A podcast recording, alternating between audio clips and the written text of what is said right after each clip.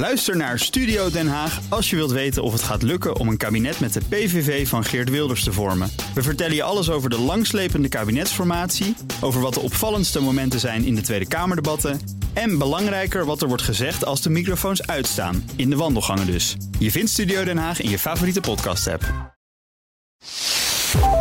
Hartelijk welkom bij deel 2 van de Cryptocast. Cryptocast 287b, het podcastgedeelte. In het eerste deel, 287a, hebben we gepraat over het laatste crypto-nieuws. Dat vind je als de vorige aflevering. En dan nu uh, BitSafe en het veilig opslaan van je Bitcoin met onze gast. Johan Bergman, medeoprichter van BitSafe. Welkom. Dankjewel Herbert. Goed dat je er bent. En co-host Daniel Mol, redacteur bij Cryptocast en BNR Digitaal. Ook welkom. Dag Herbert, hallo. En voor we beginnen eerst het volgende. Bij Bitonic koop je bitcoin. Misschien doe je dat één keer, misschien onregelmatig of periodiek met de dienst Bits. Zie bijvoorbeeld bitonic.nl slash bits. En de bitcoin die je zo koopt, die bewaar je zelf in een eigen wallet die je zelf beheert. Want Bitonic vindt dat een van de mooie dingen van bitcoin, dat je geen centrale partij nodig hebt die lijkt op een bank. Laat deze CryptoCast nou net gaan over het zelf veilig bewaren van bitcoin. Dus blijf luisteren. En als je graag naar de Cryptocast luistert, dan kun je je beter abonneren. Doe dat nou eens, want dan ben je elke keer direct op de hoogte van elke nieuwe aflevering. Mooi. Uh, Johan, Johan Bergman van BitSafe, hoe ben jij nou eens in aanraking gekomen voor het eerst met Bitcoin? Ik ben in 2014 in aanraking gekomen met Bitcoin. Dat was eigenlijk dankzij mij nu uh, ook uh, zijn compagnon nu van mij ja. binnen BitSafe. En hij heeft mij die tijd ja, verteld over, over Bitcoin. En samen met hem ehm, hebben we toen ook een Bitcoin miner gebouwd thuis in, uh, in de kelder. Um, en dat waren nog met GPU's. Dus we waren al net uit de CPU-tijdperk. want dat was dus helemaal. Grafische kaarten, zeg grafische kaart, heel goed. Ja, ja. Um, en toen wij die klaar hadden, uh, er, was, uh, er waren weinig goede materiaal nog voor. Dus het was best wel geknutsel.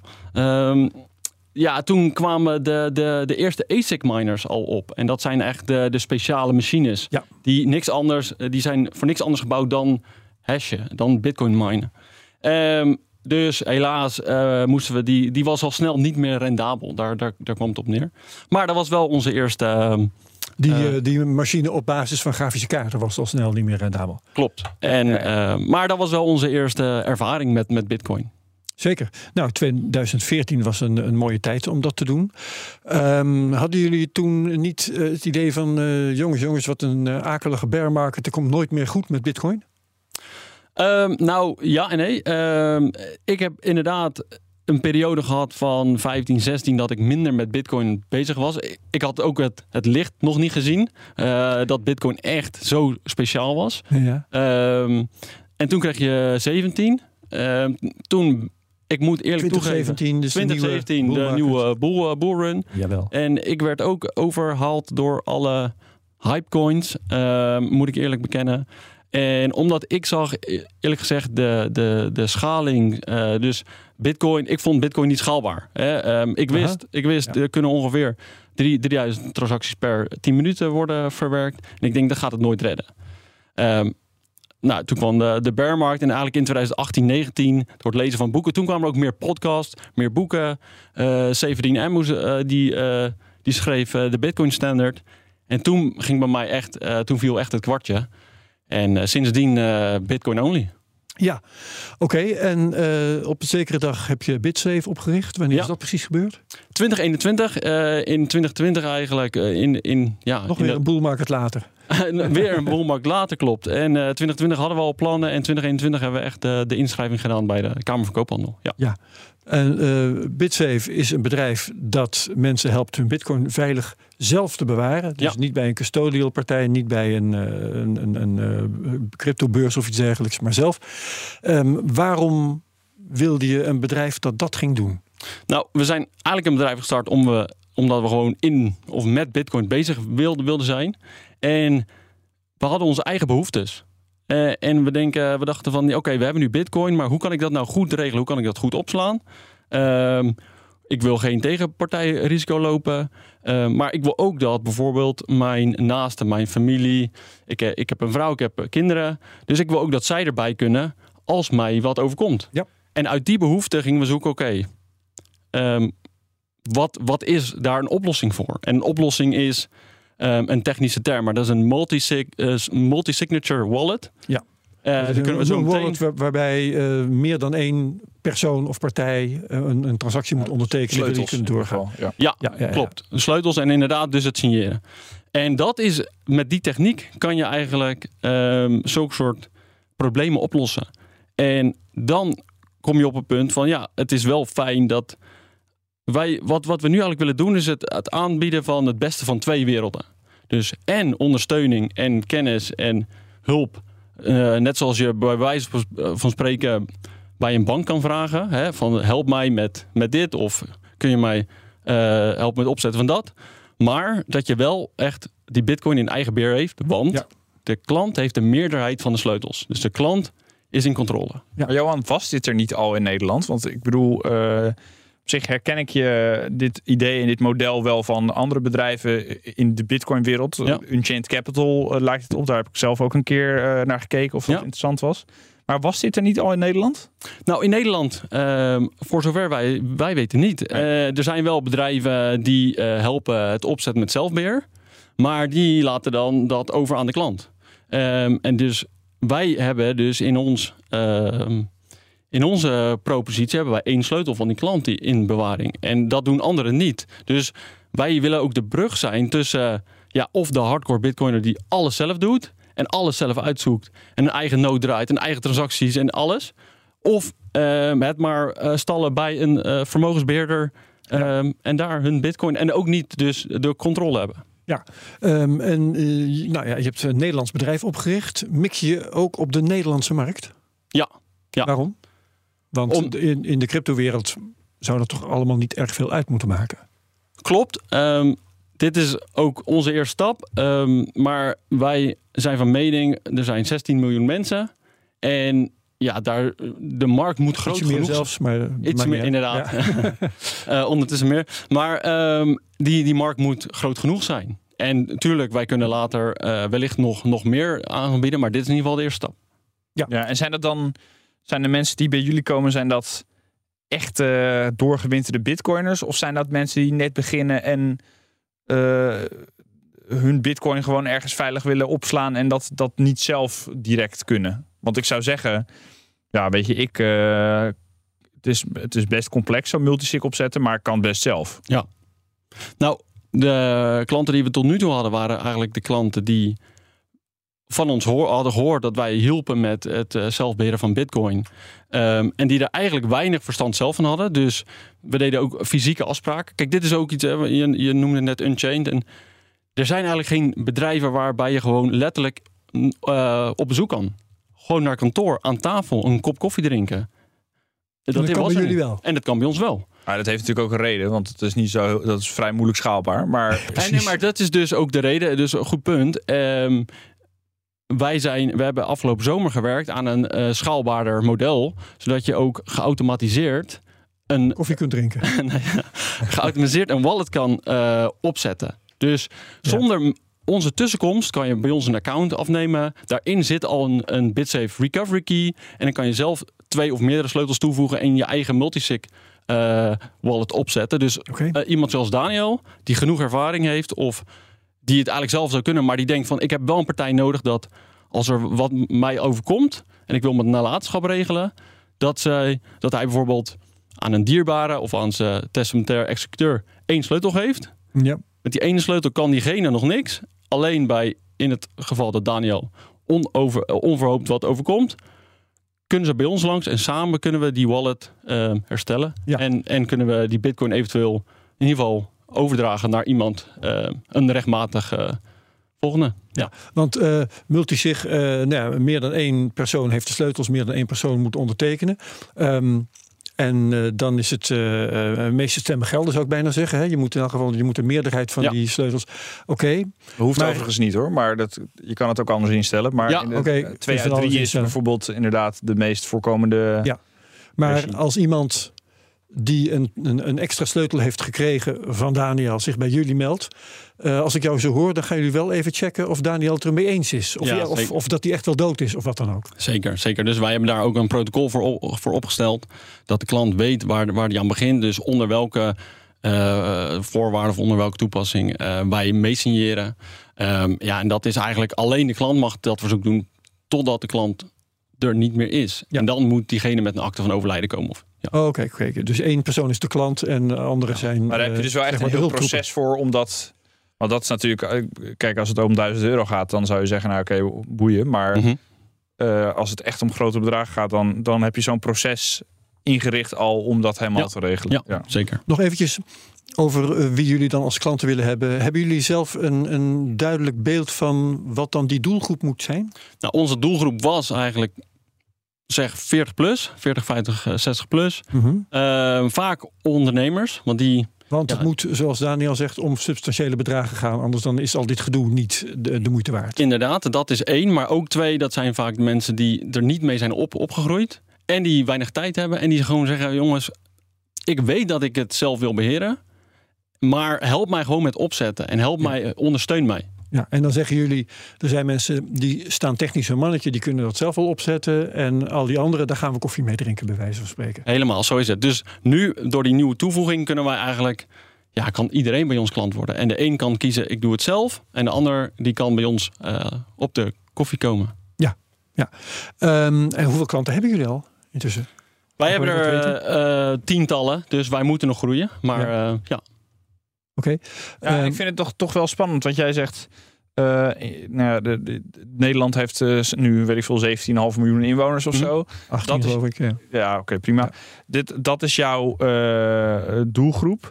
Maar we weten ook uit onderzoeken, ja, de meeste Nederlanders, de grootste gedeelte van Nederlanders koopt niet eens crypto. En de mensen die het dan hebben, Bitcoin hebben we het dan ook nog over, ehm, die kopen maar voor, ja, weet ik veel, 1000 euro of zo was het. De meerderheid, eh, de, de helft ongeveer, komt niet verder dan 1000 euro. Ja, dus volgens een recent onderzoek van Maurice de Hond. Ja, en dan is het waar, precies. Dus, Zo, eh, dat ik zeggen. maar ja, is dan al zo'n multisig, is dat dan al de, de oplossing? Want zeg, ik zou zeggen voor 1000 euro, ja, laat het lekker bij Coinbase staan.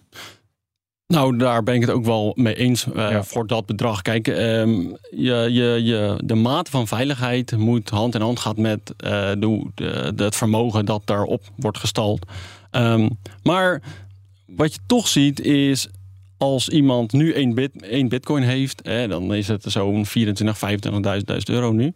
Dus ik vind eigenlijk alles vanaf één bitcoin zou je in onze optiek in een multisig moeten bewaren.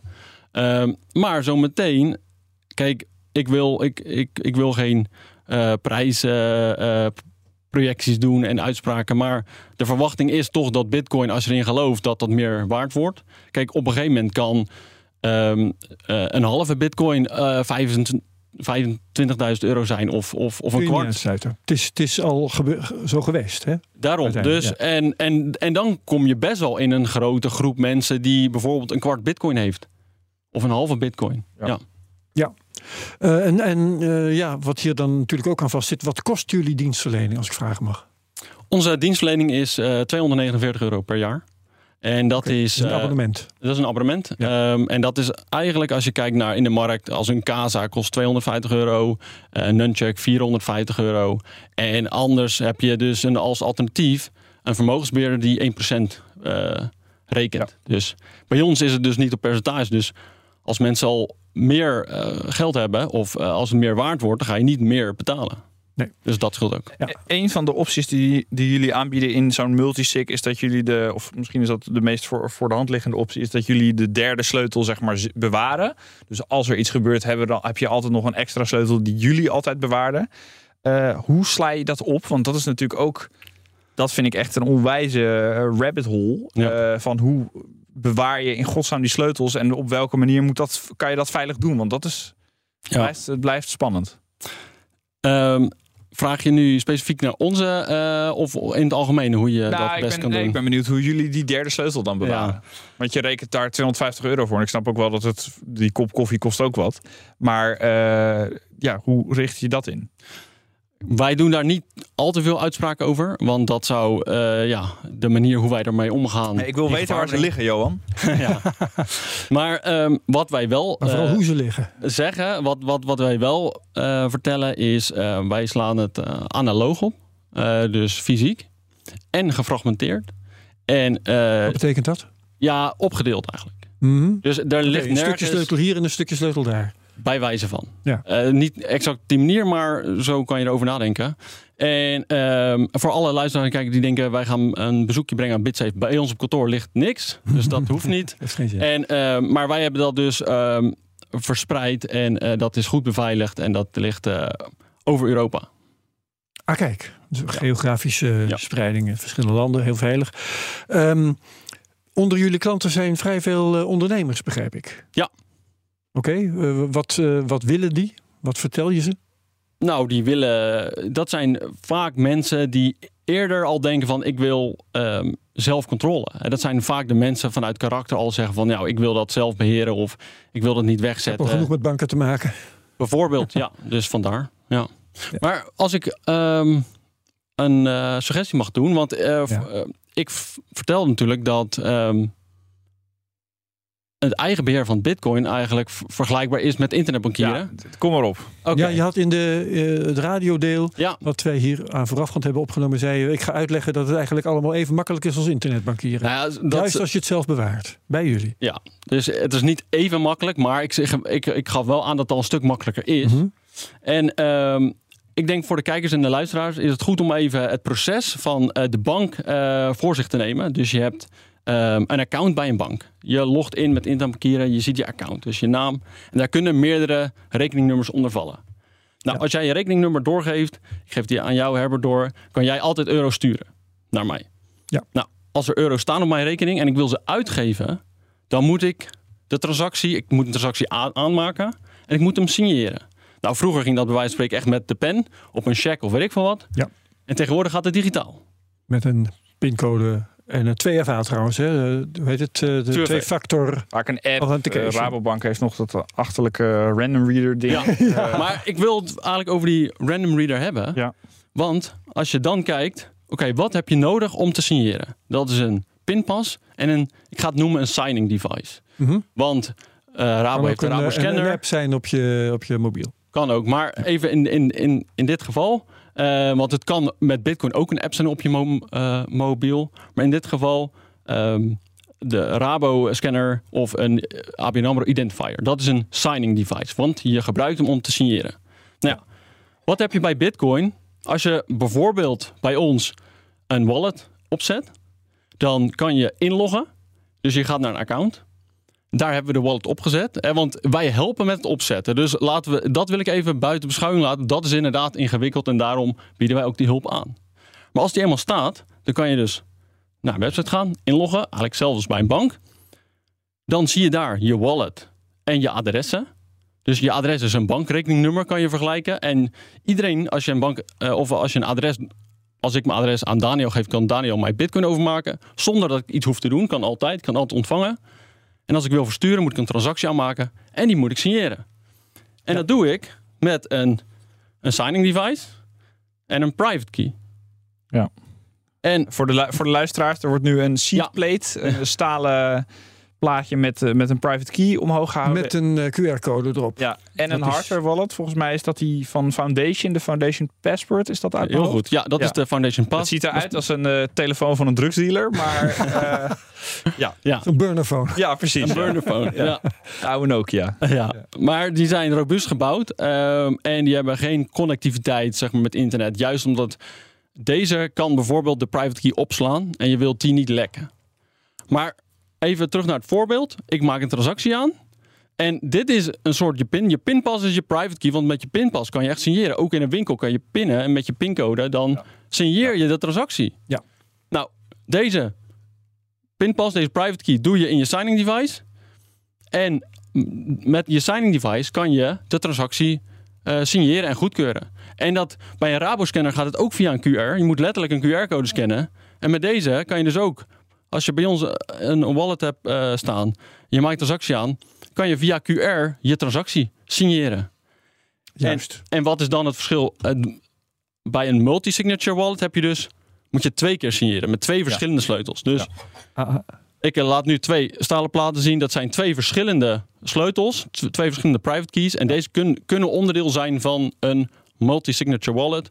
En ik moet ehm, met allebei dan een handtekening zetten, een digitale handtekening. Ja, en en hoe gaat het dan in de praktijk? Eh, zeg, eh, Daniel heeft, eh, heeft één sleutel zelf. Hij, zijn moeder heeft de andere, bij wijze Ja. van spreken. Ehm, moeten ze dan bij... Ze hoeven niet bij elkaar te zijn, neem ik aan. Hè, maar ze moeten wel gelijktijdig op een of andere manier online... Zich dat met is dus, daar snij je wel iets aan. Want het is dus wel best ingewikkeld. Inderdaad, als je Om gewoon naast elkaar, naast elkaar eh, voor een computerscherm zit, dan is dat hartstikke makkelijk te doen. Ja. Anders zijn er wel vrij veel oplossingen voor. Je kan met een PSBT, als, ik- dat, Johan weet het beter dan ik, maar een partially signed Bitcoin transaction. Eh, dat is een bestandje wat je naar elkaar kan mailen. En dan kan je dat op die manier ondertekenen en weer terug. En dat het, nou, mailen is misschien niet het beste idee, maar het bestandje. Ja. Ehm, dus dat, maar volgens mij zijn dat is wel weer lastig hè, op twee verschillende plekken. Nou, met, de, met onze dienstverlening kan je dus allebei in hetzelfde account inloggen. Dus Oh ja. als Daniel aan de andere kant van de wereld zit, die kan een transactie aanmaken en signeren. En ik kan hem gewoon oppakken. Dus omdat wij op, op hetzelfde account inloggen, kan ik zijn transactie, zijn deels gesigneerde transactie oppakken. Dus dat is ja, juist perfect voor familieaangelegenheden en zo. Oké, Ehm, je noemde de kosten, was het 249 euro per jaar, Ja. geloof ik. Hè? Wat, wat vinden klanten daarvan?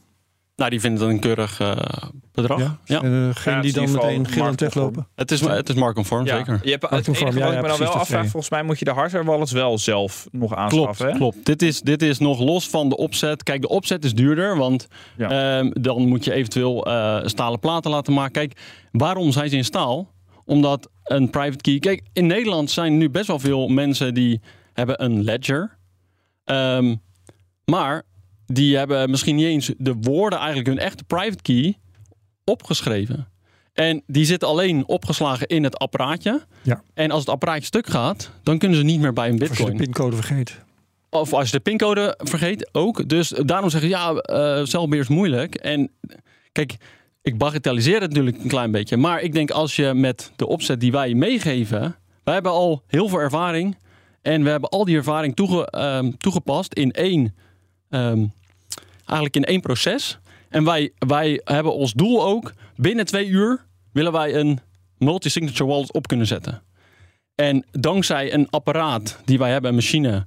Ehm, kunnen wij dus ook meteen, kan de klant eigenlijk, wij doen dat niet. De klant kan zelf de machine aansturen en zelfs zijn private key in staal graveren. Anders ben je daar thuis weer uren mee bezig.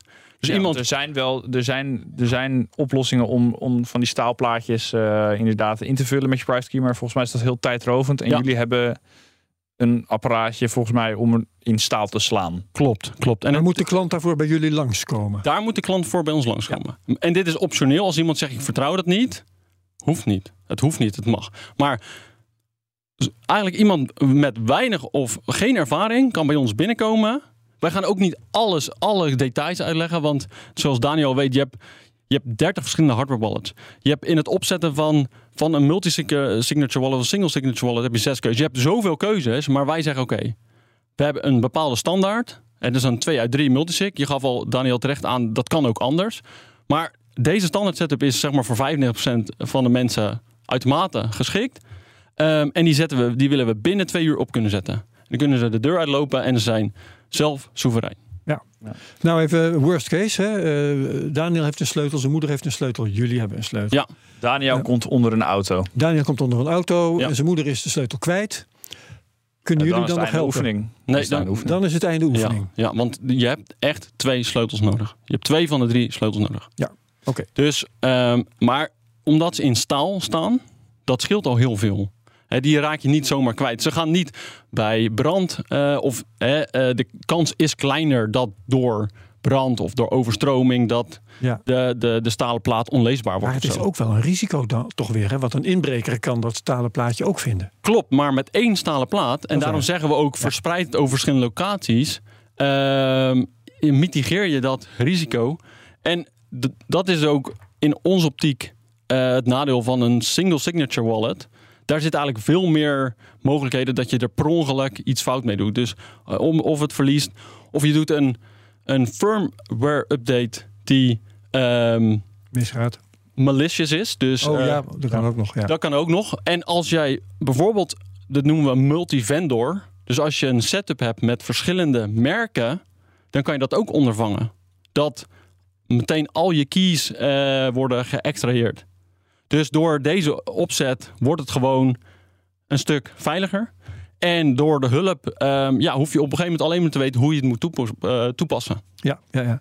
Er zijn de laatste tijd wel mensen nat gegaan eh, met centrale partijen. Hè? Dus die hadden hun eh, centjes bij FTX staan of iets dergelijks. Of bij Binance. En ze hebben de laatste tijd niet goed opgelet en kunnen nou niet meer bij hun geld. Ja.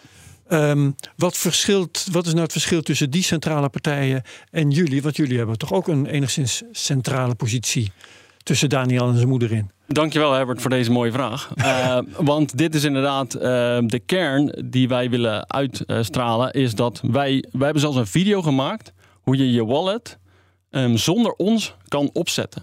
Dus als je zelf ehm, de twee sleutels hebt en je exporteert. Want dat is goed om te weten. Ik wil niet te technisch, maar heel kort. Je moet wel alle drie de public keys hebben van die, om die wallet te kunnen herstellen. Ja, ja. Maar wij helpen met het exporteren en het opslaan daarvan. Dus wij geven die mee met de klant en we laten weten dat het belangrijk is dat die opgeslagen is. Die, die houden wij ook. Maar in het geval dat wij er niet meer zijn, als de klant die heeft bewaard, kan die zelf software downloaden op zijn computer, dat bestandje inladen en hij kan bij zijn bitcoin. Dus hij, het is een soevereine setup. Dus ze zijn nooit afhankelijk van ons. Dat is mooi. Ehm, het, is, het is nu nog bear market. Ja. Oh, trouwens, nog even over Ja. de geschiedenis. Van, want je hebt net verteld dat in 2017 heb je BitSafe opgericht. 2021. Ja. Oh, tot 2021. Ja. Oh ja, nee, maar, dan, dan, maar toch, het is alweer twee jaar geleden. Ja. Ehm, ben je in 2022, het grote bear market jaar, eh, ben je aan het bouwen geweest? Zoals we hier wel vaker tegen elkaar zeggen, bear markets Zeker. are for building. Ja, zeker.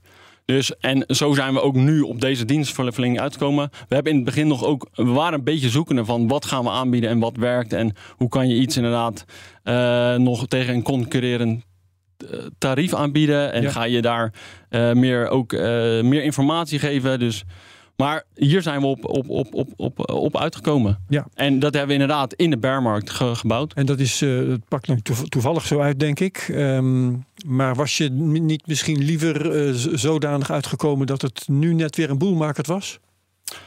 Ja, wellicht wel. Alleen ehm, Ja, het, is, Het het, komt. het is langer, het is langer bear market Ja. dan market. Ja. Dus dat is het- ja. Kans Ja. dat het, ja. Johan, ik ben Ja. benieuwd. Je, je had het net al over verschillende hardware wallets en de verschillende. Gewoon, er zijn heel veel opties. Hoe blijf je zelf op de hoogte van al die opties? En wat, eh, w- zeg maar, hoe bepaal je wat is de beste setup voor mijn klanten? Want bedoel, ik heb zelf ook met multisig lopen kloten en dat werkt allemaal prima. Alleen het is wel iets wat je steeds moet bijhouden. En eh, je- eh, toch weer een firmware upda- updateje voor je coldcard. En toch weer dit en toch weer dat. En voor je software wallet op je PC. En. Het houdt allemaal niet op. Ja. Hoe, hoe doe jij dat? Hoe blijf je op de hoogte? Want het is niet. Bitcoin is nog zo in ontwikkeling. Er is niet een soort definitief beste opslagmethode. nee, eens? Eens. Dus, en dat is dus voor een persoon thuis. Dat is ook moeilijk om bij te blijven bij alle on- ontwikkelingen. Alleen wij zijn een bedrijf, wij eh, specialiseren ons hierop. Dus wij onderzoeken wel- welke hardware wallets er zijn. Wij hebben daar een soort framework van welke we willen gebruiken. Dus we willen Bitcoin only, airgapped, open source. Dus dat verkleint de zoektocht al. Airgapped is eh, los van eh, internetverbinding. Klopt. Nou ja, los ook zelfs van kabels aan de computer. Ja, dat je het met een, bijvoorbeeld een SD-kaartje kan het dan eh, kan doen. Ehm, en het, wij zijn juist diegene die de klant kan helpen om dus op de hoogte te blijven van een fir- firmware update of van ontwikkelingen. Want er zijn inderdaad terecht eh, stelling. Er zijn ook veel ontwikkelingen komende. Bijvoorbeeld dat je in de toekomst met timelocks kan gaan werken. Ja. Dat ehm, bijvoorbeeld je bij het opzetten van de wallet al instelt dat over vijf jaar ehm, dat één handtekening genoeg is van die drie. Dus dan zou je al een wallet voor je kind kunnen opzetten. één sleutel aan je kind kunnen geven. Gedurende die vijf jaar heb je twee handtekeningen nodig. En na vijf jaar, op de dag dat je kind jarig is, vervalt die timelock. En ehm, kan zij er zelfstandig bij. Dus dat zijn allemaal ontwikkelingen. Dus de, de, de ultieme setup bestaat in die zin ook niet. En die ontwikkelt zich dus. Ehm, en dat is juist eh, voor klanten moeilijk om het allemaal bij te En daarom kunnen wij juist die toegevoegde waarde bieden. Want je gaf net aan 249 euro voor alleen opslaan. Maar we doen er dus Ja, veel meer precies. voor. Nee, oké, Ja. maar is het, is het dan, dan moet ik nog één ding even verhelderen. Is Ja. het dan dat de klanten zelf hun, bijvoorbeeld hun foundation, eh drugstelefoon in huis hebben? Of hun, eh, wat is die andere, Blockstream Jade is dat Ja. volgens mij? Ja. Nou, in ieder geval hun hardware wallet, hebben ze die dan zelf thuis? Die hebben ze zelf thuis. Oké, Die- dus dan moet je ook zelf de firmware updates doen. Want ik bedoel, met Coldcard is dat gewoon wel echt irritant. Ehm, ja, ze zullen het zelf eh, moeten doen. Het blijft zelfbeheer. Ehm, alleen wij kunnen ze wel een video, in ieder geval een, een, eh, een melding geven van er is een fir- firmware update. Vaak hoeven ze ook niet door te voeren, want het geeft nieuwe functionaliteit. Maar je kan altijd nog in de oude zetten bij, bij Bitcoin. Ehm, en eh desnoods met een videootje van deze stap, volg deze stappen en je bent weer klaar. Ja, je noemt nu eh, voorbeelden van, ik, ik zal maar zeggen, een vrij onpersoonlijk soort klantenservice. Hè. Ga, ga maar een videootje bekijken.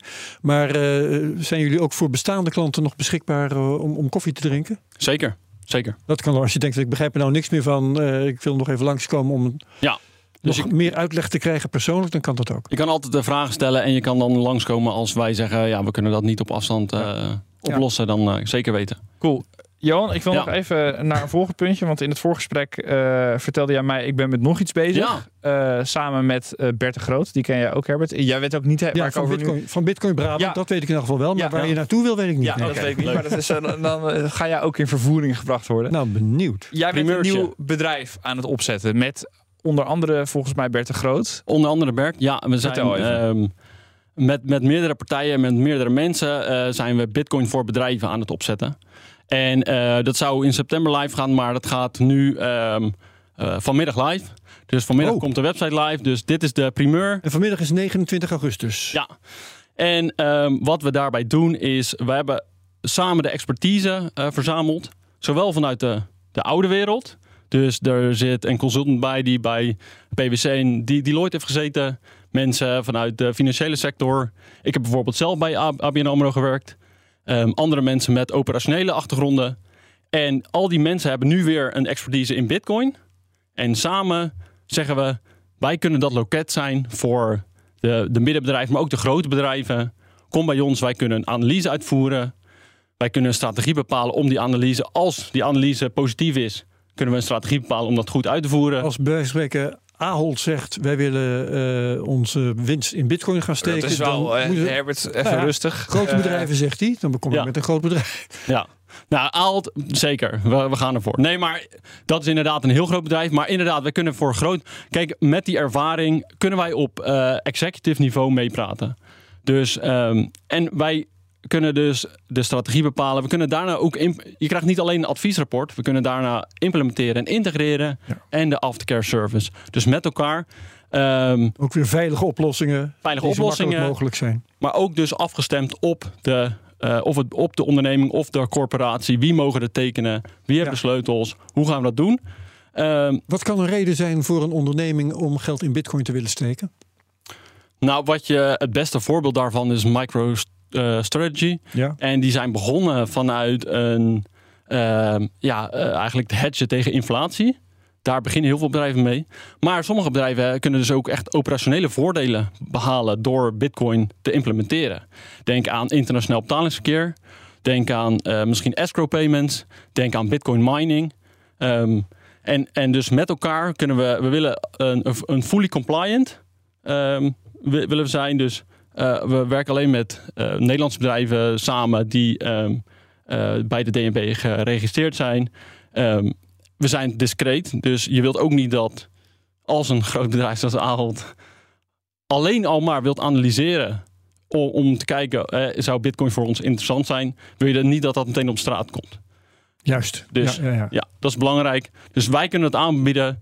Ehm, en als iemand geïnteresseerd is, kunnen ze nu kijken op bitcoinvoorbedrijven.com. Yeah. Bitcoin voor bedrijven. Ik heb veel vragen, Herbert. Ook. Eh, ja, eh, we hebben het hier volgens mij twee weken geleden gehad over een bedrijf in, dat, uit Zuid-Holland dat in 2019 bitcoin kocht op een zakelijke rekening. Waarvan de Rabobank zei, eh, gaan we niet doen, je moet alles verkopen. Ja. Eh, het- het beleid van volgens mij alle grote banken is, zakelijk doen wij niks met crypto. Dat is dan eigenlijk direct al een probleem. En dan denk ik eigenlijk van, nou ja, zolang dat niet verandert, eh, gaat er, gaat er niet zoveel gebeuren op dit gebied. Of zie ik dat verkeerd?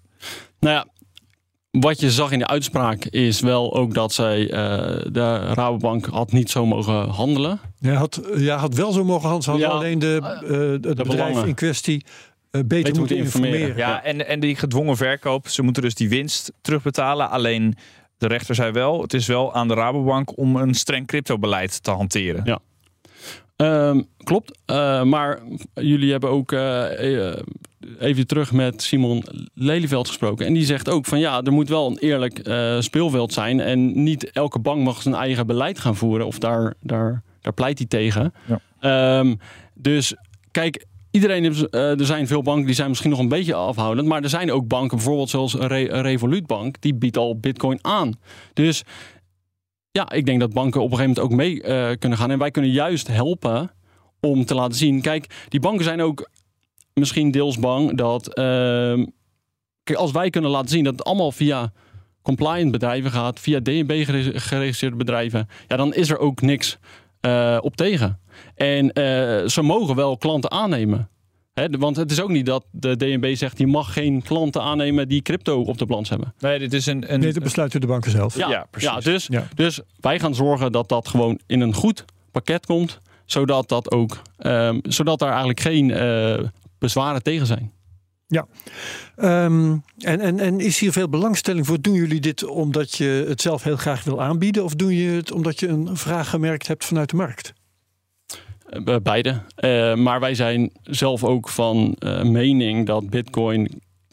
Over een paar jaar gaan we zien dat bedrijven, degene die Bitcoin op de balans hebben staan, of we gaan dat mogelijk zien, dat is onze optiek dat dat zo gaat blijken.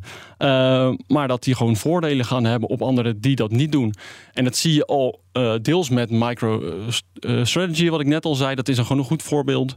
Ehm, die heeft sinds 2020 eh, Ehm, 28 juli hebben ze aangekondigd dat zij Bitcoin als strategie op de balans gingen aanhouden.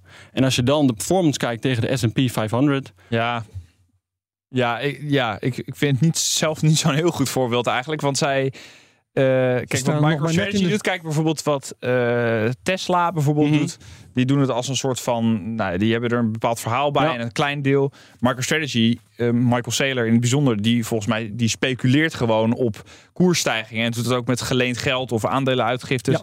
Dus dat vind ik dan, dat vind ik dan juist weer niet misschien de, de, de, de Het, tuindeur het model Die, nou, ja, dat je moet ook, ik, in, in dat opzicht ben ik het ook eens. Hè. Hij gaat 100% al in. Ja. En dat is, En natuurlijk snap je die koersstijgingen en die beurswaarde, dat snap ik allemaal. Maar dat komt gewoon omdat Bitcoin stijgt en het is gewoon een verkapte ETF geworden. Tuurlijk, daar heb je gelijk in. Maar uiteindelijk, dus als Bitcoin zal stijgen, zullen ze betere performance hebben. En, en, maar ik, ik ben met je eens. Ik denk dat wat hij doet eh, too much is. Ehm, en het hangt af van het bedrijf. Kijk, we willen gewoon een, eh, dan ook een realistisch eh, stra- stra- strategie bepalen. Ja. En die niet het bedrijf eventueel de, de nek om gaat draaien. Ja. Ehm, maar op een, op een, eh, begin maar op 1%. Begin maar klein. Maar ook al die 1% kan al een kleine ja, positief effect hebben. Ja, en een leer, leereffect. En een leereffect, die, die ja. operationele voordelen die zie ik ook wel. Alleen, eh, ja, op zich, het, het lijkt me logisch dat als Bitcoin omhoog gaat, eh, eh, dat iedereen dan blij is. Ja, oké.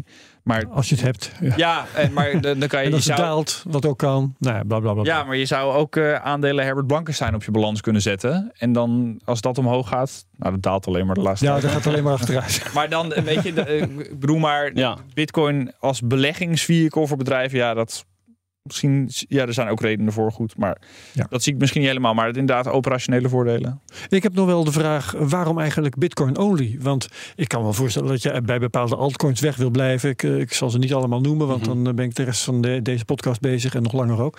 Maar waarom niet bijvoorbeeld gewoon Ether erbij? Dat is toch ook eentje waar je, je niet zo heel veel een buil aan kan vallen. Dat komt ook voort uit de, de, de hele reis die wij zelf hebben doorgemaakt. Mhm. En ehm, kijk, als jij beslist om een andere coin aan te gaan bieden, dan moet je ook weer je aandacht gaan verspreiden. En Ja. nu kan je echt toe, toespitsen op één munt. Eh, daarvoor kan je dus ook, als je co- compliant wil zijn, dat allemaal goed regelen. Ja. Bitcoin wordt ook gezien als eh, de, de SEC die roept al dingen van alles is een security behalve Bitcoin. Dus ehm, eh, dat moet allemaal nog blijken punt, hoe, dat, ja. hoe dat uitwerkt. Maar dat zijn wel ook redenen dat je zegt, ja, we zien Bitcoin echt als een digitale eh, commodity. Ehm, ja, en daar willen we dan al onze focus op, op leggen. Nou, Ja. Het is denk, denk ik natuurlijk ook gewoon technisch dat Ethereum opslaan. Dat kan ook op allerlei manieren. En Ja. dat, daar zijn voldoende manieren voor om dat veilig te doen. Maar dat werkt weer anders dan Bitcoin. Ja, klopt. Ja, dus dat weer is één reden dat je, hè, dat je anders moet gaan diversificeren. Je moet dan, ehm, want je, je moet eigenlijk compromissen gaan, slaan, eh, eh, gaan, eh, gaan nemen in misschien de wallet die je kiest. En want je kan dan niet de Bitcoin Native Multi-Signature Wallet kiezen. Ah, Of je ja, moet ja, twee ja, wallets ja, gaan ja. kiezen. Ja, dus en dan je, heb je weer twee sleutels en dan, dan wordt het weer ingewikkeld. Dus, je kiest ja. ervoor om een vergelijking te maken om een dealer te zijn van één merk auto. dan, en ze gaat zeker niet ook nog vliegtuigen leveren. zoiets. Ja. Mooi. nou ja, dan om je te, op de techniek te kunnen concentreren. Dat eh, snap ik. Ehm, ja, eh, he- hebben jullie nou zelf, want je, je, je hebt verschillende keren gezegd eh, je wil compliant zijn. Hè? Hebben jullie zelf nou veel te maken met, met reguleringsdruk? Je moet je houden aan anti-witwaswetgeving. Eh, De MICAR eh, is natuurlijk in- intussen iets waar je mee te maken hebt. Ja, Dus al- eh, als- beperkt dat jullie in je mogelijkheden of is het juist fijn? Hoe zit dat? Nou, als BitSafe hebben wij geen DNB-registratie, maar die hebben wij in die zin ook niet nodig, want wij doen geen aan- en verkoop van Bitcoin. We Je beheren hebt er zelf geen. Oké, natuurlijk. Je hebt er zelf geen last van. Nee, dus Ja. en juist eh, voor eh, het, het Bitcoin voor bedrijven gedeelte eh, hebben wij daar ook nog geen registratie voor nodig. Alleen wij, wij willen wel samenwerken, juist met ge- geregistreerde bedrijven, juist om het nou ja, hè, naar de bank toe, naar iedereen toe, om een, een goed passend compliant verhaal Ja. te, te, Ja. te maken. Ja. Wat ben je verder voor de toekomst van plan? Nou, ehm, wat ik al aangaf, wij willen dus naast die sleutelopslag willen we diensten aanbieden. En dat wij echt waarde toevoegen. Ehm, en denk, denk daarbij ook aan eh, netjes een, een jaaroverzicht eh, toesturen. Hmm. Want dat kunnen wij nu. Ehm, en ehm, denk ook bij dus eh, die, die firmware updates. Gewoon echt klanten. Echt, we willen partner dan in beheren zijn. Zij beheren het, maar wij, wij willen ze ondersteunen daarin. En daar willen we zo, zoveel mogelijk op, op uitbreiden. En wat ik net zei, we willen blijven kijken in de toekomst. Welke technieken komen eraan? Hoe kunnen we het nog makkelijker maken? Hoe kunnen we het beter maken? Misschien weet je van een klant dat hij een bepaalde wens heeft, maar kan dat met de techniek van vandaag nog niet. En kan dat in de toekomst wel. En daarin blijven we eh, ont- ontwikkelen. Ja, interessant. Mag, Daniel, ik, ja, sorry. mag ik nog één eh, vergelijking maken? Ja, doe jij het ook eens? Nog eentje. Nog eentje. Nou, want dit is eigenlijk een hardnekkig iets wat ik uit de wereld wil halen. Hm? En eh, we hadden het net over de bank versus bitcoin. En Ja. hoe dat dan werkt. En mensen zijn gewend vanuit, de huidige, eh, vanuit het huidige systeem... dat als hun geld staat bij de ABN AMRO... dat zij dat niet zomaar bij de Rabobank kunnen... Je kan niet je rekeningnummer meenemen. Je kan niet je transacties meenemen. Klopt. Ja. Nou, stel de Europese Centrale Bank komt met een CBDC en die geeft daar een rekening voor uit. Ik ben geen voorstander van CBDC, maar even voor dit voorbeeld. Ja. Ehm, en stel die laat je in. Jij hebt een rekening bij de Centrale Bank, maar je hebt ook een Rabobank app. En jij laat die rekening in bij jouw Rabobank app. Dan is jouw Rabobank, is de Rabobank een soort jouw interface om die rekening aan te sturen. Nou, maar en als jij zegt, joh, ik ben niet tevreden over de dienstverlening van de Rabobank, dan kan jij misschien die rekening wel gaan inladen bij de ABN AMRO Bank in jouw app om hem aan te sturen. Dus dan is de ABN AMRO Bank jouw interface. Ja. Maar dan kan je dat rekeningnummer wellicht meenemen. Je transactiehistorie kan je meenemen. Dit, zo werkt Bitcoin. Dus Bitcoin is dan, eh, de centrale bank is een centrale partij. De naam zegt het al. Maar de Bitcoin is dus, je hebt een Bitcoin protocol, het, het grootboek. Ja, je hebt een blockchain. Je hebt een blockchain en ehm, jij kan dan jouw public key zit nu bijvoorbeeld in een ledger. En eh, de public key is een afgeleide van de private key. Dus als je die private key hebt, kan jij je wallet herstellen.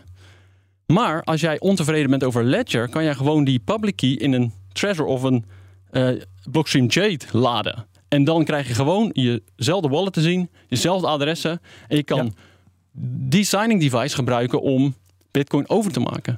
Heel veel mensen denken, en wij gebruiken ook het woord signing device en geen hardware wallet. Want bij een wallet denken mensen, oh, als ik geld in mijn portemonnee heb en mijn portemonnee is weg, kan ik ook niet meer bij dat geld, want dat is fysiek weg. Ja. Maar zo werkt, zo werkt het niet. Heel veel mensen denken toch nog dat het zo werkt, maar vandaar dat ik dat even uit de wereld wilde helpen. Ehm, en zo kan je dus ook makkelijker, als je gewoon die, die, die private keys maar hebt, heb je dus ook altijd je public keys. En als je de public keys hebt, heb je je wallet. En kan je altijd, heb je altijd toegang tot je bitcoin. Ja, want uh, jij hebt met die uh, kaartjes, uh, die metalen plakjes staan ja. zwaaien. En daar staan ook die woorden op. Hè? Daar staan die, de woorden op, ja. De, de 12 of 24, hoeveel zijn het er in dit geval? Waarmee allebei, ja. In elke wallet-app zo'n beetje diezelfde wallet kunt herstellen. Juist, dat is het. Dat is het idee. Ja, ja, het doet mij een beetje denken trouwens aan. Uh, dat was ooit een hele mooie innovatie. Dat je uh, met het verplaatsen van een simkaart. Uh, oh. elke telefoon op jouw nummer kon laten werken. Ja. Dat ja, wie ja, jonger of is. Nu, of nu een beetje de beweging met ActivityPub en Mastodon bijvoorbeeld. Dat je een eigen Twitter-account hebt die je Ja. niet alleen. of een Twitter-achtige account die op Mastodon werkt. En dan ook hopelijk ooit op andere platforms. Ja, ja, dat is een standaard je Nostr. eigenlijk Noster inderdaad. Bolster, dan heb je ook je, key. En die kan je in allerlei verschillende interfaces inladen. Dus als je onafhankelijk, dienst onafhankelijk. dienst on- onafhankelijk, ja. Ja, Ja. Prima. Mooi. Daniel, heb jij nog vragen? Nee, ik ben helemaal voldaan. Heb jij nog iets wat we hadden moeten vragen? Nee hoor, ik ben ook. eh, ik heb mijn verhaal kunnen doen. Oké, nou dan eh, dank ik je hartelijk, Johan Bergman van BitSafe. Ja. Veel succes. We spreken je misschien eh, over een tijdje wel weer. Leuk. Co-host Daniel Mol, hartelijk dank van de Cryptocast en van BNR Digitaal. Vergeet deze Cryptocast niet te delen met je volgers op Twitter. Gebruik de mention Cryptocast.nl. Laat reviews achter op Apple Podcasts. Eh, wij zijn dan beter vindbaar. Like, subscribe en comment op YouTube. En verder aan iedereen hartelijk dank voor het luisteren. En heel graag tot volgende week bij de Cryptocast. Dag.